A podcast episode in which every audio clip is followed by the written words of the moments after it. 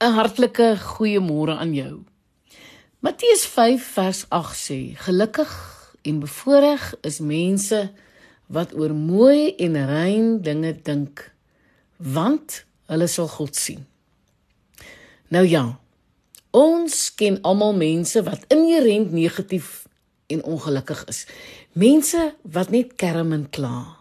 Geen positiewe persoon wil graag deur sulke mense omring word nie. En wanneer jy besef dat geluk van binne kom, jong, dan neem jy verantwoordelikheid vir jou eie lewe. Ons is oor jare gebreinspoel om ontevrede te wees, is dit nie? Die ekonomie is op onvergenoegdheid gebaseer. Die geldgedrewe wêreld het baie te doen met die feit dat mense ontevrede is. Want ons het net nooit genoeg nie en dinge bevredig ons nooit lank genoeg nie. Die gepoleerde voorblaaie van tydskrifte dra ook by dat 'n mens met jou voorkoms onvergenoegd is. Nou die apostel Paulus het egter die geheim van vergenoegdheid ontdek. Hy sê ek het geleer om tevrede te wees in my omstandighede. Filippense 4 vers 11. Sy tevredenheid het nie gespruit uit wêreldse goed nie.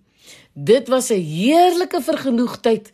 Dit was 'n innerlike vrede wat deur al God se kinders ervaar kan word. Die geheim van Paulus se vergenoegdheid?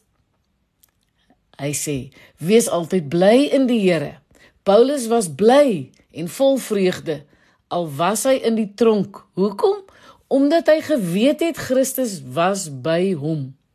Ja, met Christus by hom kon hy bo sy omstandighede uitstyg. Ek dink natuurlik Paulus het op 'n punt gekom waar hy doelbewus kommit het tot 'n gelukkige lewe. Hoor net wat sê hy in Efesiërs 5:19 en 20. Hy sê: "Bou mekaar op, sing en loof die Here met julle hele hart. Sê altyd vir God dankie vir alles." Hy is ons Vader. Doen dit in die naam van ons Here Jesus Christus. Jong, die fundament van geluk is om 'n nuwe lewensuitkyk te kies. Om gelukkig te wees beteken nie om om die soms negatiewe omstandighede of omgewing te misken nie, hoor. Dit beteken om te midde van slegte dinge wat oor jou pad kom, steeds gelukkig te wees. Ja, geluk groei deur die leerervaring van elke mens. Hoe jy elke situasie hanteer. Om gelukkig te wees kom nie met een oogopslag nie. Nee, dit is iets wat groei totdat negatiewe gebeurtenisse of omstandighede dit nie meer regkry om jou innerlike geluk te steel nie. Jong, ons moet opnuut besef dat dankbaarheid die goue sleutel tot die lewe is. Ons moet harte hê wat oorloop van dankbaarheid want dan sal ons minder fout vind met mense en dinge waaroor ons geen beheer het nie. Wanneer jy weer opgehou word deur padwerk, wees dankbaar want binnekort gaan die verkeer beter vloei. Wanneer jy jou kinders op en af moet ry, wees dankbaar dat jy kinders het. Daar is soveel paartjies wat duisende rande spandeer om swanger te raak. Jong, hou op kla oor die gas wat jy moet sny. Daar is mense wat in woonstelblokke bly wat wat sou wou gee om 'n grasperk te kon hê.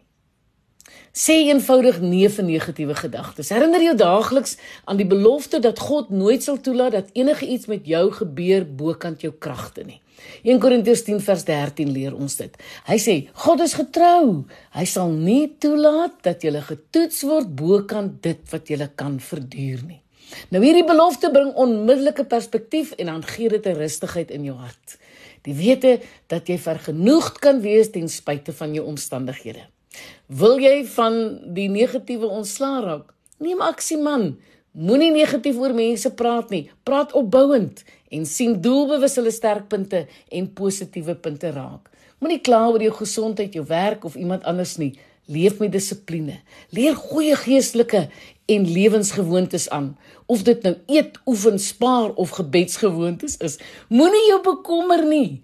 Bekommernis is 'n negatiewe stimulant. Doen wat jy kan doen en God sal die res doen. Gelukkige mense leef in afhanklikheid van God. Ek is Lenet Peer vir Radio Kansel.